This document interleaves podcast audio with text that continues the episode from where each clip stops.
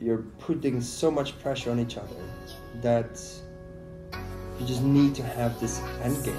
I call it freedom, just a feeling I've been feeling. Gave me something to believe in, always there right when I need her. I call it freedom, just a feeling I've been feeling. Gave me something to believe in. That's not what I wanted. I didn't want to have a design agency. So uh, at one point, I went to my boss and was like, "Okay, I want to raise. If I'm not doing it for my personal growth, I'm, I'm gonna do it for the money." Because at that point, that was the only option I had. But at the time, we were also already thinking of rendezvous. So me and George were already working on rendezvous. So how that happened is like, I think it was 2011, 2012. It was a side project. George broke his leg, and um, he's you know he's a Greek guy, flirtatious. Uh, so he will flirt with everything that moves. so uh, he was in bed for three months, forced to to, to, to be on Badoo.com and all these things. And uh, out of frustration, he called me and was like, dude, there's something really wrong with this dating industry. Eh? You, you concur. Um, and we started brainstorming because uh, basically the realization was that if you want to meet someone, you go onto these websites. But actually, these websites or these apps don't want you to date because the more time you spend on them, the more money they make. So the the I mean, the need of the company is not doesn't justify or it doesn't fill in the gap or the need of the user. The user wants to meet someone ASAP. They don't want you to meet someone ASAP. So there's a huge opportunity gap there. So the moment I asked for a raise at my old job, I went. I told. I called George as well. I'm like, George, I'm coming to London this weekend. I want to decide whether what to do with Rendezvous. So that weekend we did, we both decided that we're gonna quit our jobs and that we were gonna pursue rendezvous on a full-time basis so i went back to belgium my boss said uh, yeah Jorn, we discussed it you got the raise i'm like yeah i'm about that raise i don't, I don't, I don't want it anymore i'm leaving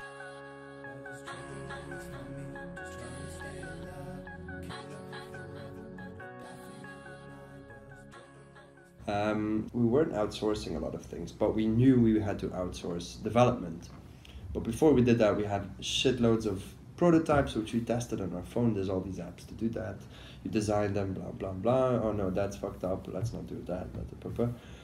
Up until we had a design and a, and a and a product where we believed it would act as a great MVP. So then you, as a non-technical founder, you start looking for partners to do this with. Uh, very quickly, you realize that there's no CTO. You know, they're like the pretty ladies at the club, uh, and they know it. So you need to offer a lot in order for them to uh, get in bed with you. And especially like an early stage startup where nothing has designed, nothing validated, you're nobody's.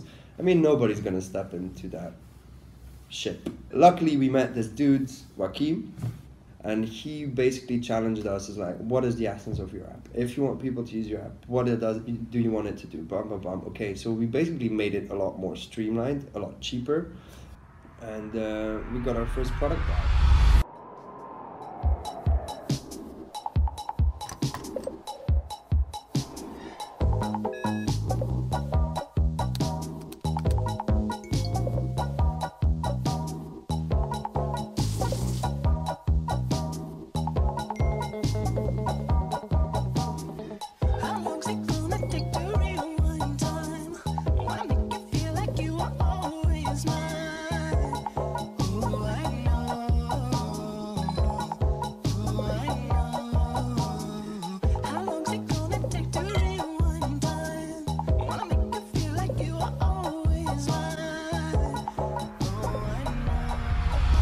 I mean, yeah, the app was pretty shit, but um, it looked nice. People liked it.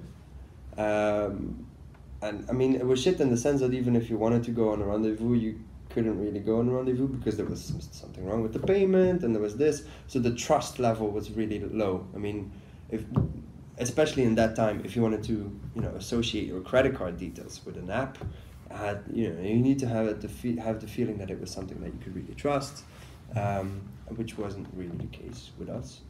But anyway, trust levels aside, it allowed us to improvise a lot. Um, and the coolest thing with us was that at one point we, um, I mean, that gave us the opportunity to go for a crowdfunding campaign.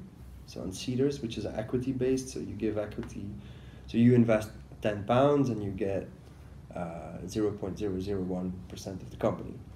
Um, and uh, so we first did a raise there of 70,000, 69,000 actually to be correct, in which we failed to raise that amount because of various reasons. But the reason was that you need to, I mean, the rule of thumb then was that you need 30 to 40% from friends, family, fools of the 70,000, uh, which we didn't manage to get. I mean, uh, we didn't know a lot of people with a lot of cash that wanted to invest in something as high risk as our idea but we go, then we failed that one. Immediately after we did it again but we, we we asked ourselves the questions what do we need to make this happen rather than what would be nice to have? So um, we raised for 25000 in which we knew 30 to 40 percent we can hustle our friends to put like even if it is 5 pounds 10 pounds 20 pounds like you know. Uh, i'll design your logo if you put this if it, you know you you hustle your way through uh, the momentum. So you get the momentum. We raised, we overfunded to 34, which also enabled us for someone like a private angel to be, you know, the, it's all about creating this fear of missing out. If you're raising investment, make sure that why should I put my money today and not in half a year?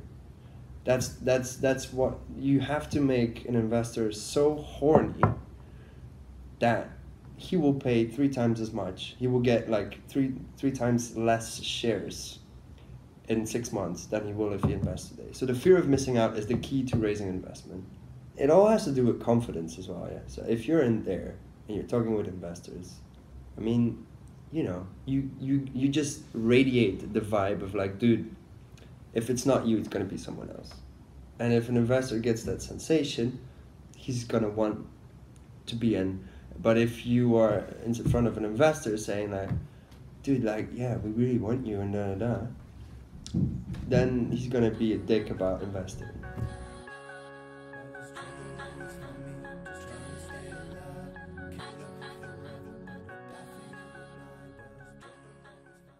The second time we raised was summer 2015, if I'm not wrong. Um, and then we raised again like seven, eight months later. And then we did another crowdfunding campaign, which also succeeded.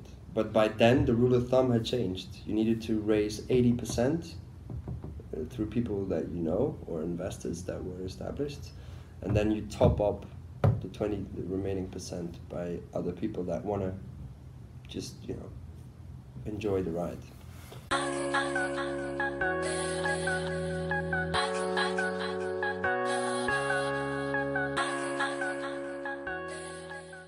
you're raising, then your CTO gets into a personal situation in which he is kind of forced, he can't take lower wage.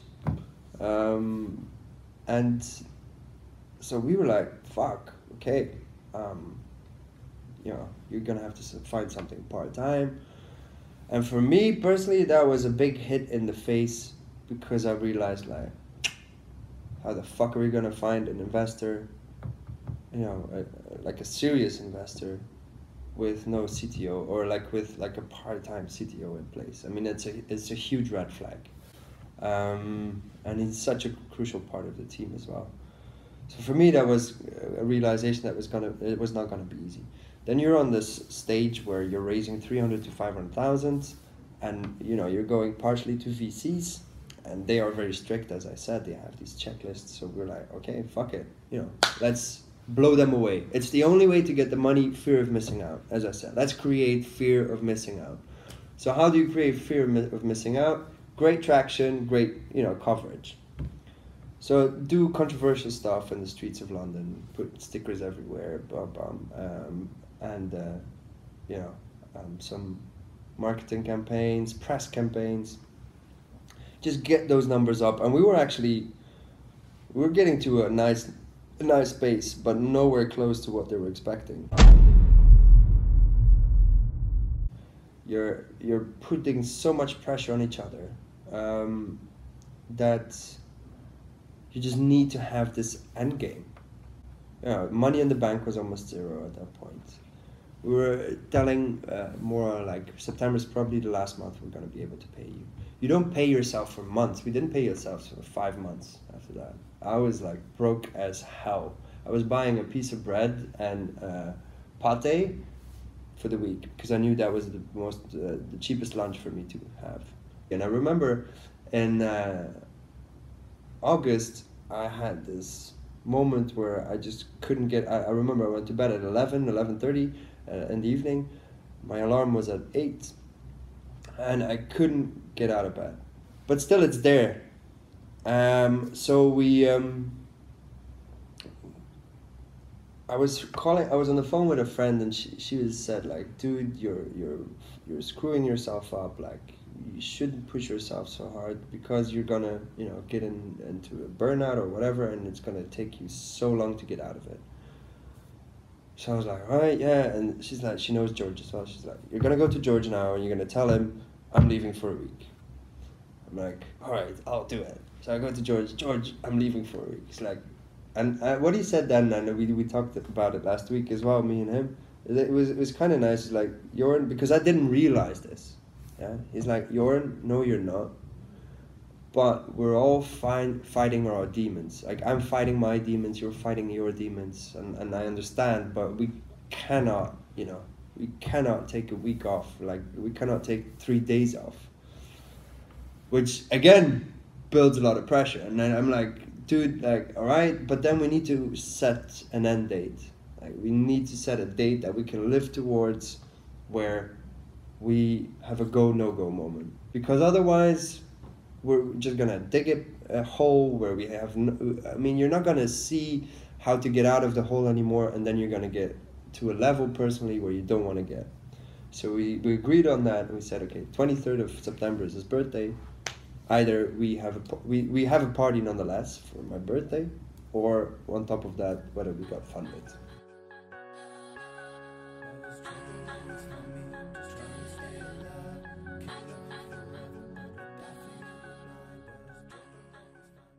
We, we had a hundred thousand committed out of the five hundred thousand we wanted to raise. It would have been easy for us to say, okay, let's just sign the hundred thousand and you know try more.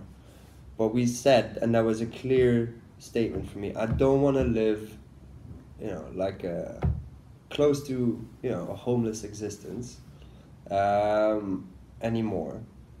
Like I don't want to raise a hundred thousand and just you know be bootstrapped like a like hell for another year or whatever that was because we had been going for three years at that time. Yeah? So that was a clear rule. We don't get the full amount, we don't proceed. So I'm happy we didn't proceed. I think the biggest mistake we made when it came to raising was we raised small amounts with a small runway. Uh, like six to eight month runway and you cannot do that as a founder. You basically you're you're working yourself into a burnout if you do that. It's it's so much yeah, it's it puts so much pressure on you in terms of you can't work with the best people because you can't pay them. You're forced to work with interns who distract you a whole lot, and actually you shouldn't do work with uh, interns. Like it's I. I disadvise you to work with interns if you're no larger than five people. Why? Because as an organization, basically as a found imagine you're two founders. One founder it's it's crazy to be one founder but two founders. You're two locomotives. You're doing something which is unprecedented in in case you know in case you're doing something that is innovative and disruptive. So you need to drive this change and you will get a lot of hits in the face but you keep on going. So you're a locomotive. If you are two locomotives and you hang a carriage behind that you're not going as fast anymore. You're being held back. You need to look back. You need to you need to nurture them which is okay. I mean it's like an intern is like a puppy with sweet eyes looking at you like tell me what to do now. And that's the last you need. You need to hire locomotives. Your first five people need to be locomotives and then you can consider hanging a carriage. Otherwise your business is being held back. With five locomotives you don't really notice it that much